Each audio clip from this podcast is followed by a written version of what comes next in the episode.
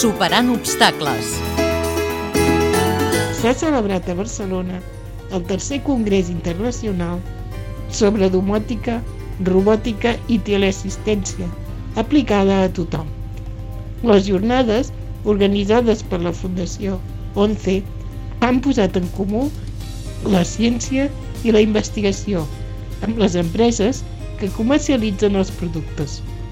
A través de diferents sessions i demostracions es van donar a conèixer diferents productes que fan més integradora i accessible la vida del dia a dia a persones amb discapacitat.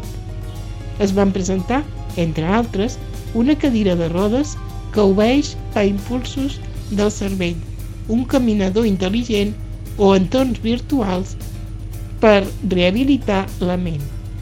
Les estadístiques demostren que els països amb envelliment de la població tenen també un major desenvolupament tecnològic.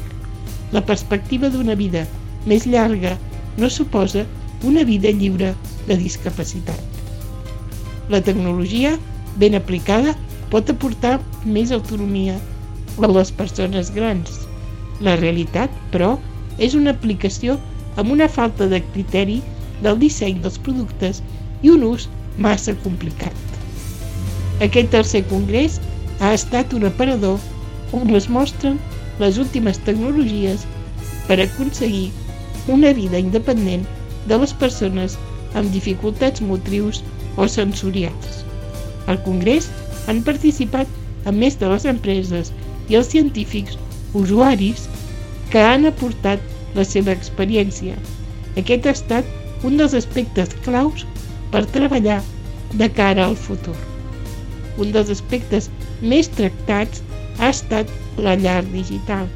Aquesta fórmula permet realitzar tasques diàries d'una casa, tot i la discapacitat física o sensorial. La robòtica és un altre aspecte tractat com un braç mecànic o un robot de companyia per assistència a les persones grans. Montse Pous, periodista.